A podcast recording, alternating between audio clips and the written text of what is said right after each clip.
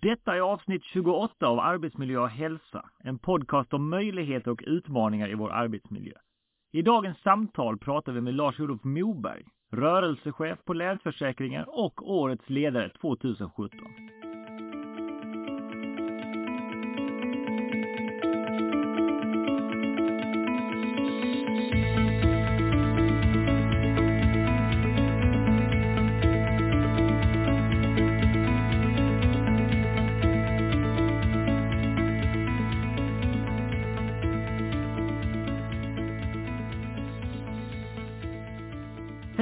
Lyssnare! Andreas här och välkommen till Arbetsmiljö och hälsa.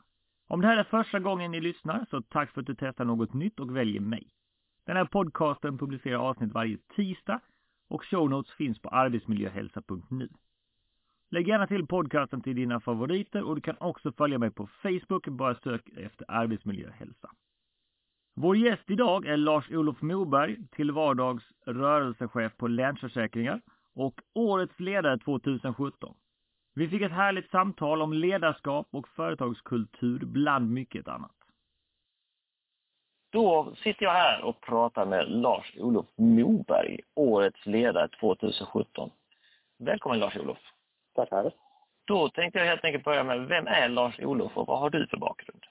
Ja, eh, om vi börjar från början så eh, har jag egentligen en bakgrund inom IT. Eh, och det var egentligen meningen att jag skulle jobba lite som nätverkstekniker eller programmerare någonting när jag läste på gymnasiet.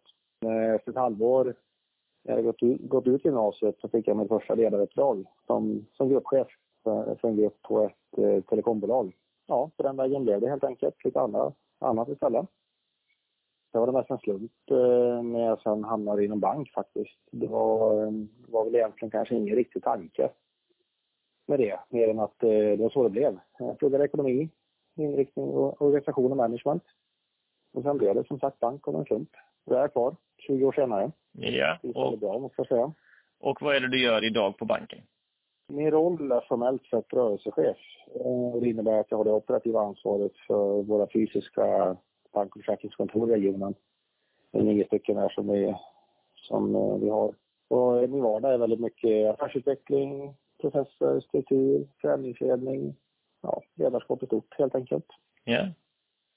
Och hur har man då jobbat så att man blir årets ledare 2017?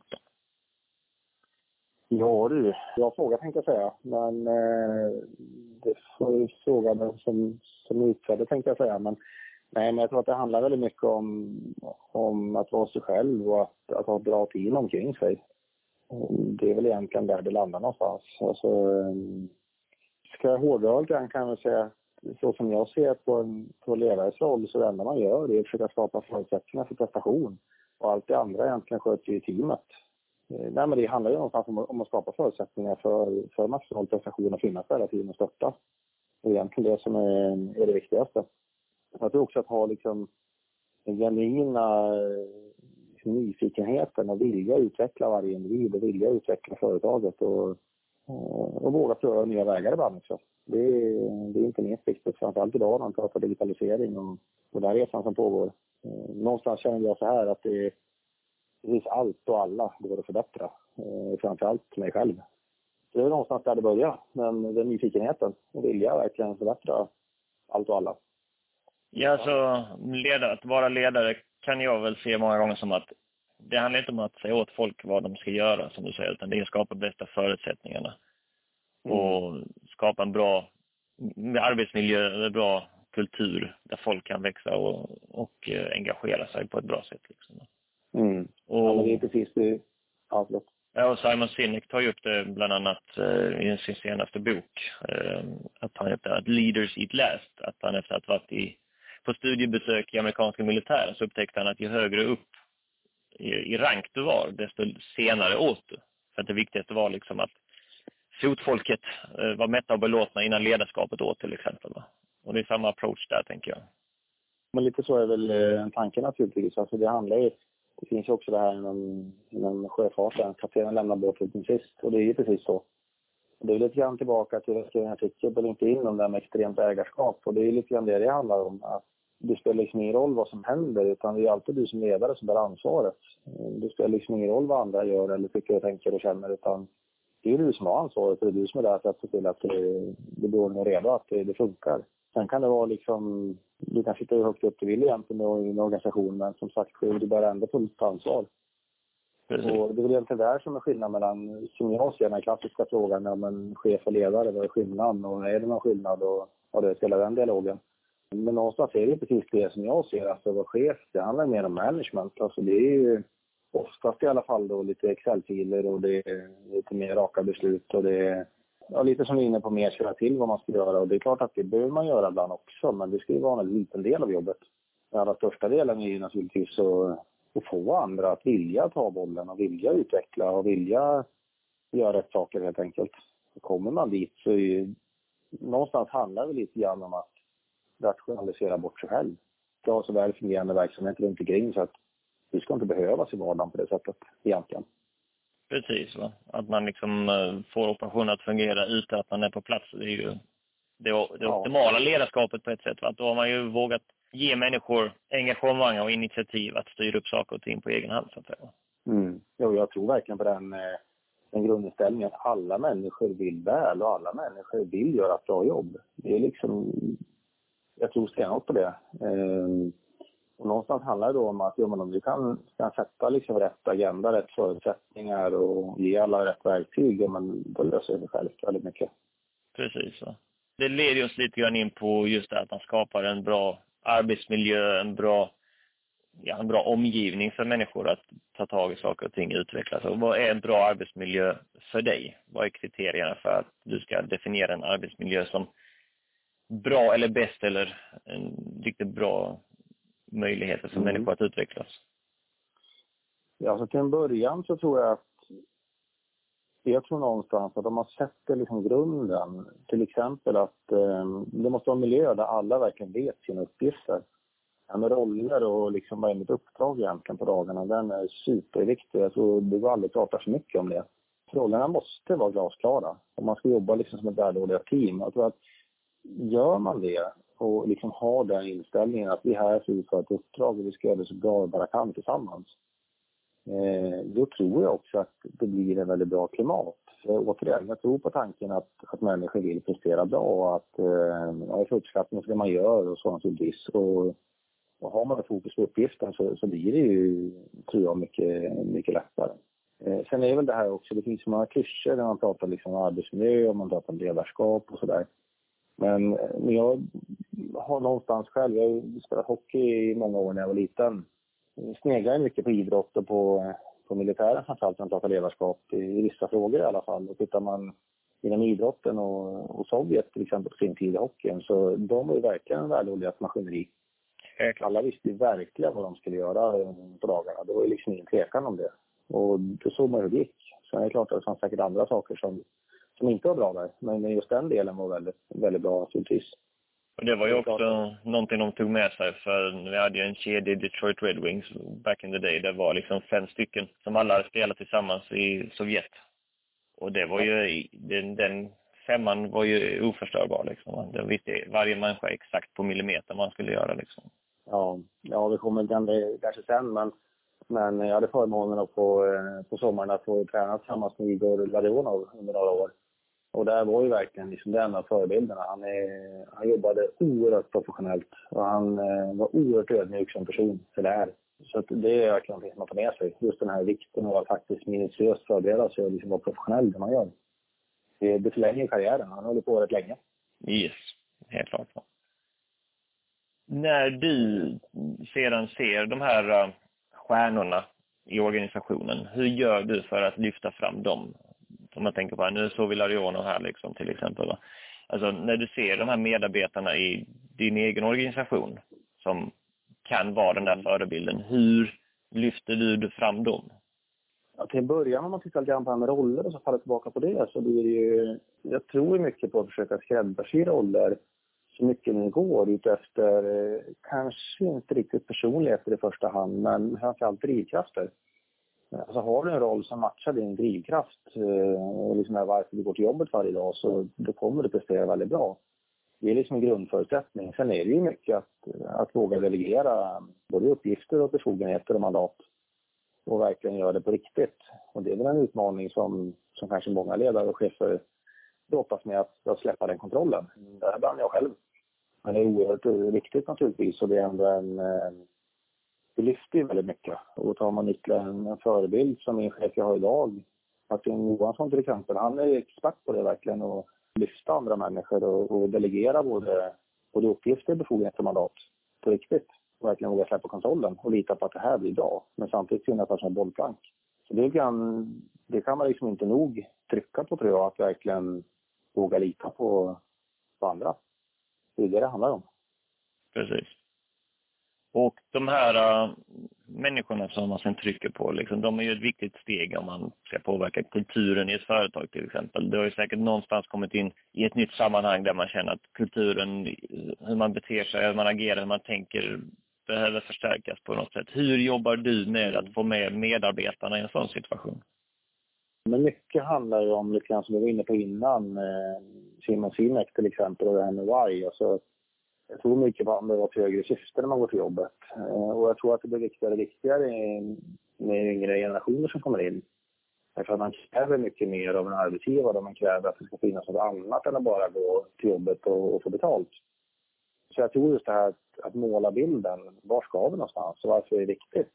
Och varför har det större syfte än att bara tjäna pengar eller bara leverera en produkt eller vad det nu kan vara för någonting. Eh, och det här kan man, alltså det är också en sån här springande punkt. Att repetition är ju väldigt viktigt inom många områden. Framförallt den här målarbilden. Alltså det, det kan man heller inte nog prata tillräckligt om varför vi är här. Så det är en del av det hela. Sen är nästa del naturligtvis det här också det klassiska med att försöka föregå med vårt exempel eh, så långt det bara går i rollen som, som ledare och chef. För det är klart att jag läste någonstans, jag hörde någonstans att eh, du tar dig själv på allvar för det är andra. Eh, och lite grann så är det väl. Det är kanske lätt ibland att glömma att, att man bara genom sin roll är en förebild. Man tycker kanske själv ibland att ja, men det är bara jag. Jag är, liksom, jag är väl ingen speciell person på något sätt. Det är man väl inte utifrån så många aspekter, men utifrån en aspekt, att man faktiskt har ett uppdrag som ledare i företag till exempel. Då, då innebär det ändå ett visst ansvar. Man behöver tänka på vad man gör och säger till exempel. Sen är ingen perfekt naturligtvis. Det finns, det, det, så är det ju. Det finns alltid saker att förbättra. Men det är viktigt att verkligen försöka genuint. Precis, och just det här att man själv som ledare går först och visar vägen och på den vägen få med alla. Det är ju ett sätt att få alla, tänker jag, att trivas eh, på en arbetsplats. Mm. Att man ser att, okej, till och med chefen kommer ner och hjälper till eller hur det nu kan vara så att säga. Och det skapar ju, utgår alltså tänker jag att det skapar den här sunda arbetsmiljön där alla känner sig delaktiga. Mm. Så att så fort man har någon splittring mellan olika, vad ska man säga, olika grupperingar på en arbetsplats, alltså då, då är bland det första som ryker, då är ju någon typ av arbetsmiljö. För att mm. man inser liksom att ja, det blir ett vi och dem-tänk och det är ju oftast inte gynnsamt någonstans, tänker jag. Nej, och där har jag med mig, som sagt, jag hämtar mycket inspiration från idrotten och vi pratade mycket om det här med att täcka skott för varandra. Precis. Eh, och lite åt det hållet är det även i företag. Alltså man, får, man får täcka upp för varandra. Alla gör misstag och det gör, det gör definitivt även chefer och ledare. Eh, och det gäller att man har medarbetare som kan täcka upp och vice versa. Så man stöttar varandra i den här processen naturligtvis. Så det är som du säger, jag tror att eh, genom att försöka så långt det går, gå före och visa vägen och inte räds arbetsuppgifter. Eh, det är kanske uppgifter som man gjorde för många, många år sedan som man inte gjort på länge, men man får alltid försöka göra dem igen om det skulle behövas. Om det kör ut sig. Man verkligen vågar kolla på ärmarna och, och vad det är liksom i vardagen. Det tror jag är viktigt. Vad tror du är den största utmaningen just när man ska bygga den här miljön där alla trivs och växer? Vad är det som är vad ska man säga, motstridigheterna, mot, motargumenten som folk får, liksom motreaktionen? Ja, alltså den, eh, den största utmaningen egentligen, och det har väl egentligen alltid varit samma, och det är det här att verkligen se och höra alla individer så mycket som de vill och önskar. Så det är klart att man har en begränsad mängd tid, så är det naturligtvis. Men den är ju oerhört viktig den också, att verkligen göra det och försöka så långt det går och, och ge uppmärksamhet på rätt sätt. Jag tror att alltså, någonstans är det ju, som vi pratade om innan, att eh, sund arbetsmiljö kommer ju av att man gör intressanta saker som man brinner för. Sen är inte det det enda, men en väldigt stor grundsten tror jag. För att tittar man på, på den andra delen då, att när arbetsgrupper inte fungerar, så eh, min känsla och erfarenhet i alla fall att det bottnar någonstans i att eh, man kanske inte riktigt brinner för det man gör och man tror inte riktigt på den här visionen och idén som ändå finns, varför man går till jobbet. Men om man kan få till det, att man vet varför man går till jobbet, man har ett eget syfte och Eh, man liksom skräddarsyr verkligen individens roll utefter drivkraft, då, då blir det väldigt kraftfullt. Eh, och då tror jag också att alla, eller inte alla, men många andra delar av arbetsmiljön, den liksom, det blir per automatik bra. För någonstans så bottnar det i att människan, återigen som jag sa innan, att jag tror verkligen att alla människor vill väl. Och alla människor vill prestera bra. Och kan man då liksom försöka skräddarsy det här så gott det går så, så tror jag man kommer komma ganska nära. Det tror jag också att det, det finns inte så mycket tid och engagemang till fel beteende, eller vad man ska säga, om man pratar eh, den negativa sidan. Nej, det är väl det att eh, många företag idag, de har ju inte tid till bekymren som kan uppstå om liksom inte man har alla med på tåget. Så det ligger i allas intresse någonstans att, att göra det här interna arbetet med att skapa liksom den sunda kulturen och mm. gemenskapen så att säga. Det är klart att det låter väldigt lätt när man, vi sitter så här i en podd och diskuterar. Det är klart när man är i verkligheten är det ju klart svårare, så är det ju naturligtvis. Det är det absolut. Eh. Och då gäller det att identifiera de här uh, inflytelserika medarbetarna som någonstans... Det finns ju alltid alltså, ledande gestalter i ett företag, människor som tar det där lilla extra ansvaret så att säga. Och då är det väl, tänker jag, att få med dem på båten till att börja med. Och så, då är det inte längre chefen eller ledaren som säger någonting utan då är det faktiskt, okej, okay, min kollega agerar på samma mm. sätt så att säga. Ja, där är ju lite grann inne på det här om man är så ett nytt uppdrag, hur hanterar man det? Precis. Eh, och ett, ett tips som jag har, som jag tycker funkar väldigt väl, det är att om man har en grupp, teamledare till exempel, har en grupp på, på samma fysiska plats, så sätter ju så rent fysiskt att du ser och hör de flesta. Om, och observera liksom vem vänder man sig till i, i frågor eh, som dyker upp i vardagen. Ofta är det den personen som är den informella ledaren till gruppen och liksom, den tyr sig den personen i, i svåra frågor. Precis. Och det är klart att då, då har man någonstans börjat identifiera vem eller vilka skulle det kunna vara. Eh, och när man har så kommit så långt så är egentligen försöka få med den, den personen på tåget. Och extra tydliga måla bilden där och att vi ska och gärna input och idéer. För ofta är det en person som också har väldigt mycket idéer och tankar och, och har ofta väldigt bra saker att säga. Ofta en person som har jobbat ganska länge på ett företag. Eh, inte alltid, men, men ofta. Och då, eh, då ska man absolut lyssna. Det tror jag är ett misstag man gör när man kommer in i en grupp, att man någonstans ska sätta ner foten med en gång. Det kan finnas uppdrag som är sådana också naturligtvis, absolut. Men, men jag tror någonstans som att man bjuder in lite grann och, och är ödmjuk inför uppgiften att jag kan faktiskt inte, jag vet inte allting bäst. Utan det finns någon som vet klart bättre än mig. Då kommer vi också eh, nå bättre resultat över tid. Det kanske inte är den den allra snabbaste vägen fram på kort sikt. Men på lång sikt för att få en välfungerande verksamhet och en bra arbetsmiljö så tror jag absolut på, på att våga bjuda in till dialog.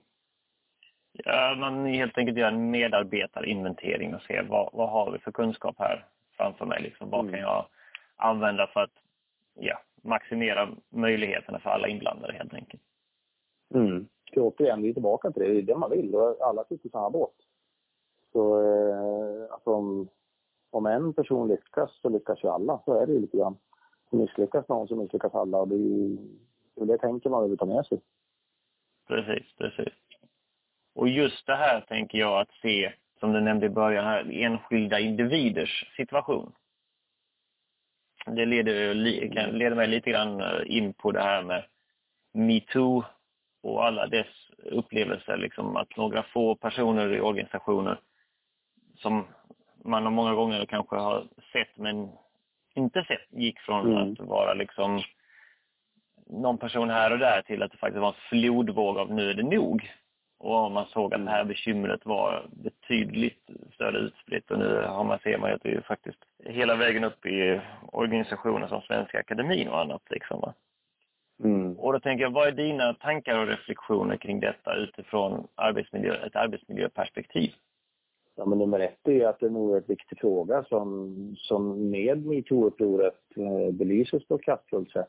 Och även om vi i konventionell media ser kanske något färre artiklar om ämnet, från Svenska Akademin då, just nu, så innebär ju inte det att det har försvunnit från agendan. Det är precis tvärtom. Eh, jag tror att många företag har tagit med sig det här på ett bättre sätt nu än tidigare. Så jag tror att det var välbehövligt och, och bra. Det är väl så att alla seriösa företag har ju ändå en nolltolerans mot alla typer av trakasserier och övergrepp. Eh, hoppas jag i alla fall. Det har jag inte med i. Så jag tror att det är, nej men jag är positiv till själva, själva fenomenet. Så jag tycker det är viktiga frågor. Det, det kommer något väldigt, väldigt bra ur det här. Definitivt.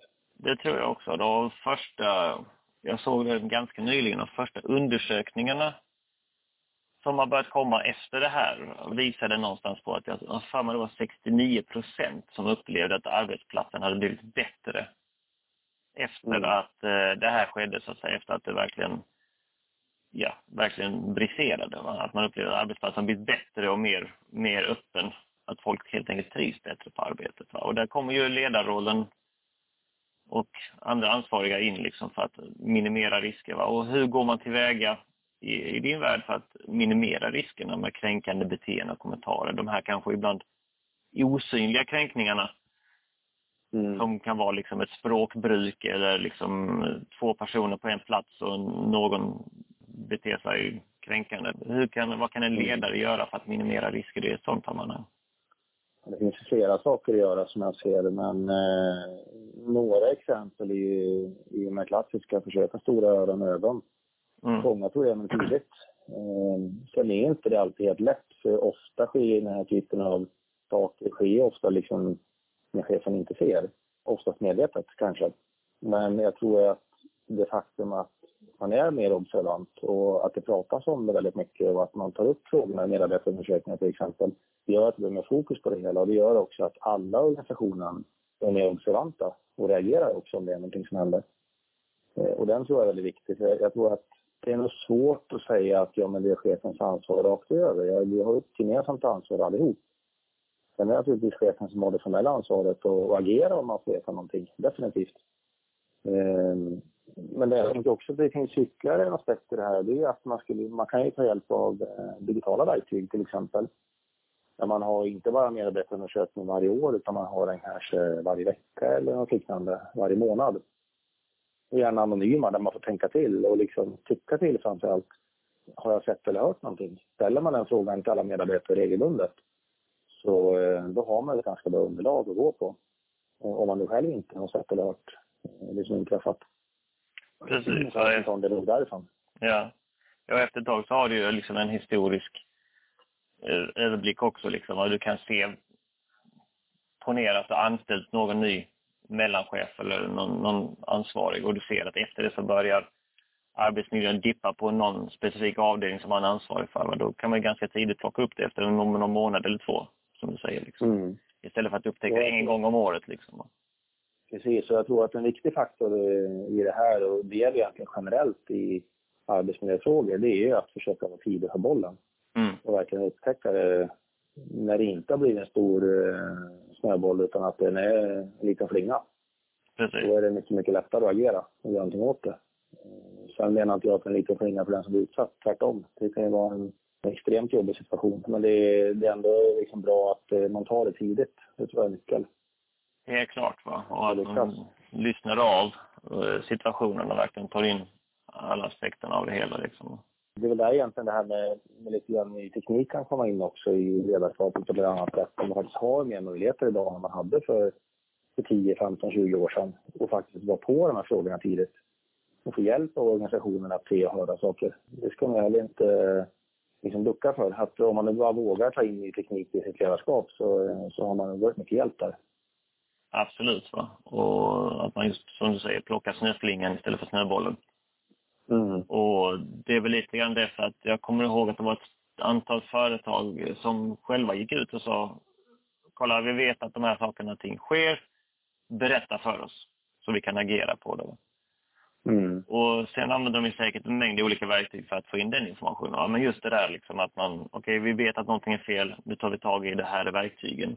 är ju definitivt mm rätt väg att gå. Va? Och även om man tänker nya kontorslandskap där du har en miljö där folk kanske inte längre sitter på kontoret utan de är ute och walk and talk, två personer och någonting sker eller man har liksom, mm. jag tror det var Tele2 som hade liksom ett utekontor där de i princip hade en, en inglasad trädgård så att man kunde sitta ute och jobba även eh, när det regnade och var mm. vinterlag och sånt här. Liksom. Att, man, att man har liksom, när man tar steget ifrån en kanske en mer quote unquote kontrollerad miljö till de här nya kontorslandskapen där det är mer öppet, där man kan gå in i ett rum själv och stänga om sig och sånt här. Att man även där liksom har en, en förståelse för att det kan gå fel och att man då också är förberedd på det på något sätt. Liksom. Mm. Till exempel kanske så drastiskt som att man har en, en larmknapp i något i de här rummen som är väldigt, lite, som är lite avsky, avsides och lite liksom äh, undangömda. Mm. Som folk är, jag tänkte att folk ska varva ner kan ju i värsta fall användas till fel saker så att säga. Mm. Ja, det är så. Absolut.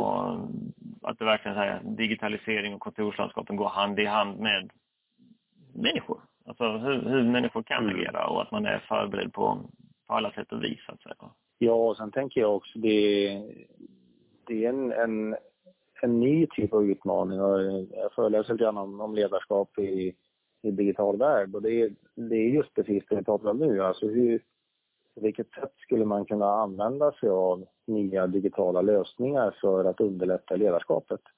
Och vissa säger att ja, men ledarskapet har inte förändrats alls de sista 20-30 åren. Och vissa säger att det förändras ganska mycket. Eh, jag vågar nog påstå att det har förändrats en hel del och kanske inte ledarskapet i sig, hur människor fungerar, för det är ganska lika. Men det är sättet vi agerar på som har förändrats och framförallt de förväntningar och krav som personer har om man tittar på det här med ny teknik och, och, hur man ska jobba med det, ja men det finns ju till exempel väldigt, väldigt bra verktyg idag för att samla in vad folk tycker och tänker i olika frågor. Sen är nästa, nästa del hur man hanterar data naturligtvis, det får man ju sköta med, med respekt. Eh, med tanke på allt som händer Men eh, i grund och botten är det något väldigt positivt, för det innebär det att man väldigt tidigt kan fånga de här signalerna som sagt och ha kontinuerliga uppföljningar hela tiden utifrån hur människor uppfattar saker. Eh, vi jobbar med till exempel sådana verktyg, alltifrån hur väl man känner att man, eh, man jobbar efter de regler som finns i vår bransch till exempel. Och snabbt kan fånga liksom när någon är osäker på en fråga. Eller i rena arbetsmiljöfrågor, hur, man, hur stressad man är. Eh, hur eh, man känner inför olika nya saker som dyker upp. Det här gör att man kan vara väldigt snabbt på, även om man nu har olika geografiska platser. Eh, som bara egen, eget exempel så vi har ju som sagt nio kontor på olika ställen i ganska stor geografisk spridning. Det går ju inte att vi liksom är runt på alla hela tiden och, och har koll på allt. Eh, sen är det ju en kontorschef på varje ställe naturligtvis som, som är med i vardagen. Men genom sådana här smarta verktyg så kan vi ändå snabbt skaffa, oss en bild av vad tycker och tänker personer i olika frågor. Eh, och det här gör att vi kan ju oerhört snabbt ställa om och, och sätta in resurser och hjälp där det behövs. I alla frågor egentligen. Det kan vara allt ifrån en ren systemfråga eller en rutinfråga eller arbetsmiljö eller något liknande. Eh, men det går väldigt snabbt att göra det här om man använder det på rätt sätt. Och jag tror att en nyckel i framtiden om man nu ska vara med på den här resan eh, som ledare är att våga testa de här typerna av verktyg Eh, för det är som sagt, det finns en uppsjö med dem och, och vissa är jättebra och vissa kanske mindre bra och framförallt olika verksamheter. Men det, det, är nog en, en ny del i ledarskapet som man verkligen måste försöka anamma. Det är nyfikenheten. Att våga testa nya tekniska lösningar som kan underlätta för alla parter. Men det gäller också att man använder det på rätt sätt.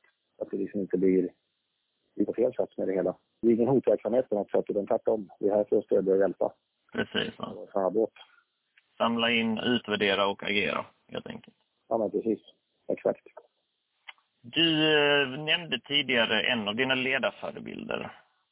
Mm. Och eh, jag tänkte om du skulle gräva lite djupare i det där, liksom, vem är det som är din ledarförebild?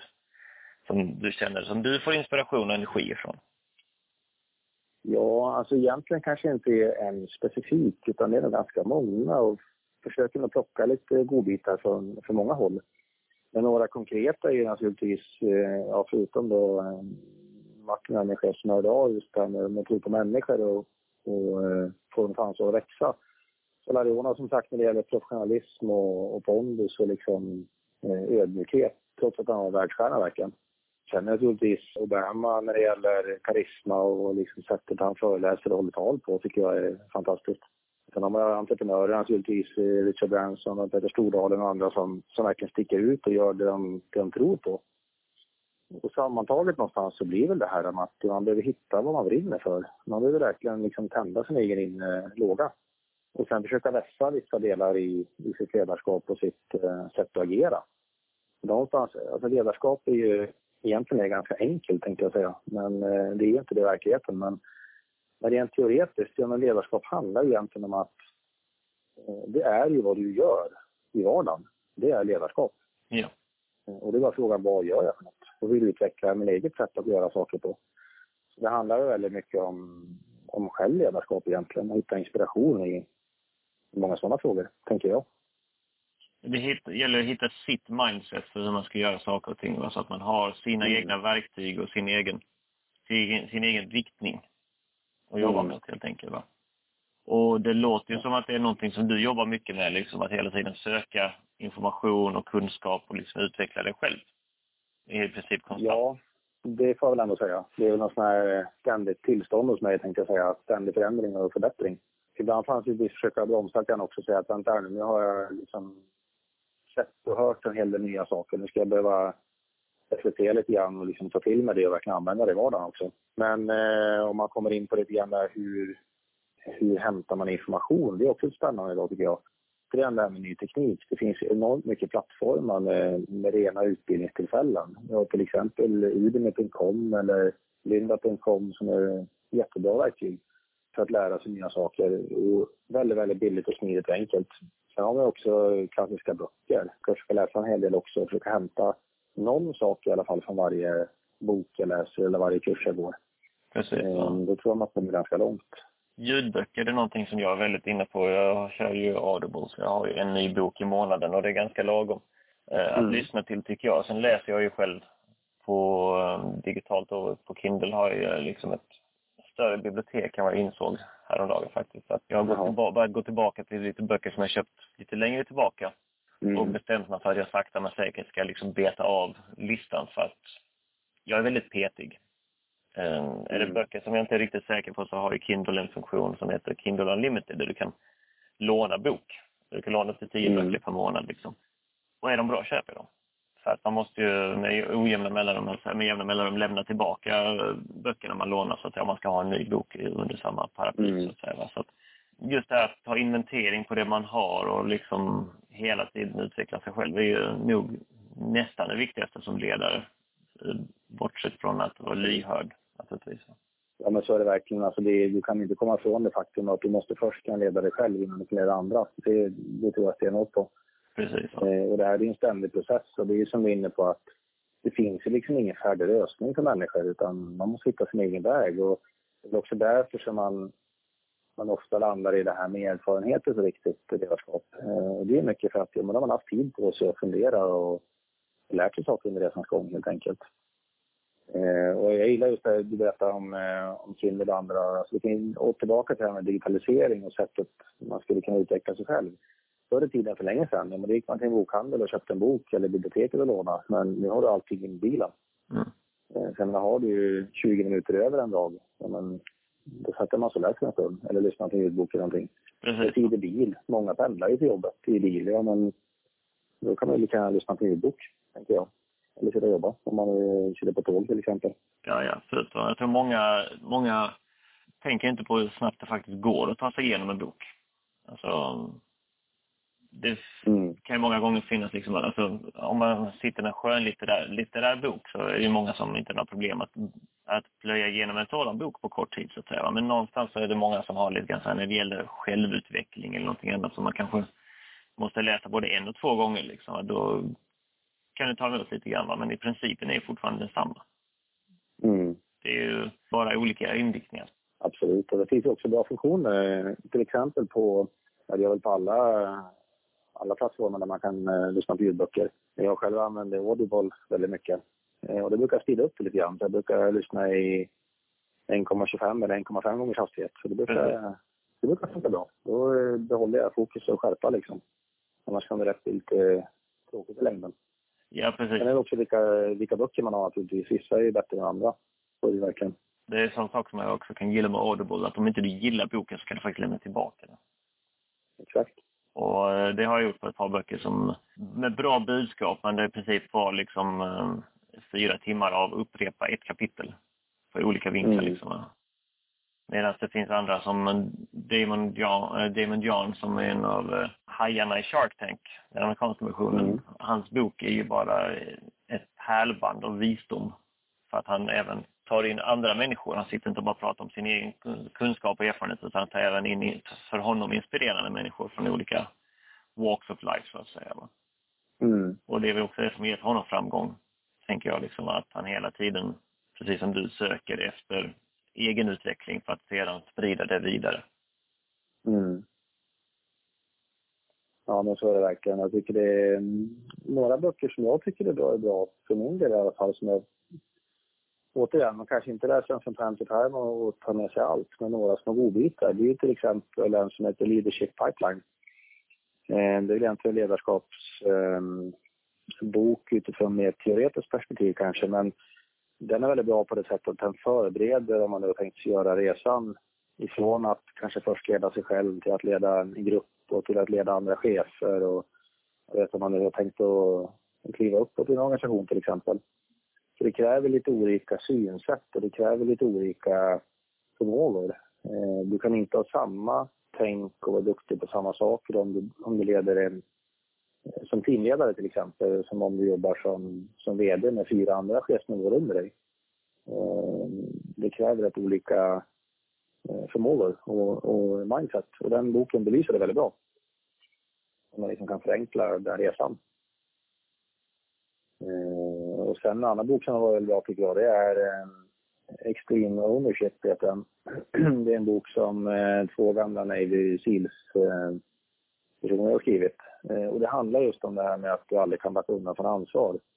Hur de jobbar rent systematiskt med att förbereda uppdrag och förbereda både sig själva och grupper för prestation. Eh, och man kan ha mycket synpunkter på militär eller inte militär, men, men någonstans så mycket av ledarskapet liksom de metoder och filosofier som finns idag, de, de hämtas ju från den militära världen. Precis. Eh, och det har väl naturligtvis en grund i att ja, det blir en extrem situation. När det blir en extrem situation så måste allt verkligen klaffa. Mm. I vanligt företag kan man ha lite släck och man kan liksom man hamnar lite fel och det gör inte så mycket eh, egentligen. Eh, det kanske kostar några kronor eller något som fått illa upp men, men det mesta går att reparera. Men i, i de här lägena i militären så är det inte säkert det går att reparera. Så därför måste det verkligen funka som sagt. Jag tycker just den boken, Extreme Ownership, den belyser just det här eh, som jag var inne på innan också med ansvaret som man har som ledare. Det spelar liksom ingen roll vad som händer ute på fältet. Det är alltid du som ledare som är ansvarig. Precis. Eh, och de tar upp väldigt många konkreta exempel eh, ur sin, sin vardag. Där de både var teamledare och ledare för andra chefer, eller motsvarande chefer då i den, den organisationen ute i skarpt läge. Och även situationer där det inte gick så bra. Och vad lärde de sig av det? Och just den boken, nu, nu Extreme Ownership, är faktiskt en bok som jag snurrat runt lite grann så här liksom och läst lite, men inte riktigt eh, tryckt på köpknappen än, eh, måste jag erkänna. För att jag var lite osäker på var fokuset låg. Om det var liksom en, mm. det här är vad vi gjorde i militären, eller som du nämnde, en, en ledarskapsbok. Va? Och där har ju du nog hjälpt mig att fatta beslut i att köpa den, helt enkelt. Va? Så att, jag gillar också just det här liksom, hela idén med att ansvaret vilar på, på ens axlar. Och det, som, det, alltså det är lika gärna bara liksom ta det. För att du kan inte förklara bort någonting med att han gjorde så, hon gjorde så, han var sjuk. Han, alltså det spelar, alltså, om man tänker på din organisation så uppåt sett spelar det ingen roll vad anledningen var. Kontentan är fortfarande att någonstans så tappade du bollen. Mm. Och därifrån, att man då liksom redan från början går in i en ledarskapsroll med kunskapen och känslan av att det är jag som, som styr det här tillsammans med de här människorna naturligtvis. Men det är jag som någonstans har huvudansvaret att få det här att fungera och sen förmedla det på ett bra sätt. Där ligger ju någonstans mm. en nyckel i det hela också så att säga. Ja men så är det verkligen. Det, det är någonstans i det här också att eh, man pratar om tillit och hur ska man bygga tillit i organisationer och i grupper och sådär. Men väldigt mycket handlar om att, det tror jag de flesta kan gå bara sig själv. Eh, har de en chef som verkligen tar ansvaret fullt ut, att när det kör ihop sig och går fel, så pekar den inte och liksom skyller på någon annan utan då tar man ansvaret själv och säger ja men det var jag som inte var tillräckligt tydlig eller det var jag som inte informerade tillräckligt bra eller eh, vad det nu skulle kunna vara. Eh, det bygger ju någonstans tillit naturligtvis i gruppen. Då vet man att okej, okay, den här personen tar verkligen ansvar. Mm. Eh, då blir det också mer naturligt att, att gruppen tar ansvar. Lite grann som jag var inne på innan så, så eh, det handlar om att vara förebild. Och om man som ledare alltid tar ansvaret oavsett liksom, läget, oavsett vem fel egentligen är, alltså rent praktiskt, så är det alltid ledarens ansvar när det är någonting som inte går som det är tänkt. Eh, och det blir någonstans också att ja, men om ledaren gör det, då kommer också medarbetarna göra det. Eh, och inte bara skylla på varandra utan faktiskt ta ansvaret själv. Eh, och jag tror att det är en viktig nyckel i att lyckas, att ödmjukheten är för att alla kan göra fel. Eh, det är liksom, det är inbyggt i människans natur. Det vore konstigt om man inte gör fel. Utan det är snarare bara vad kan vi lära av det här i så fall? Och hur gör vi för att gå vidare? Jag tycker, jag, jag gillar den här boken utifrån det perspektivet att att den, den har egentligen det som grundkoncept, men den vrider på det väldigt mycket i olika praktiska situationer. Sen får man naturligtvis ha med sig att just den här boken så blir det lite amerikanskt och lite, lite macho bitvis. Eh, lite grann att berätta en story att så här var det när vi var aktiva. Eh, men om man bara ser igenom det och liksom börjar analysera vad är det egentligen som händer och beskriver de situationer så då är den väldigt bra, ska jag säga.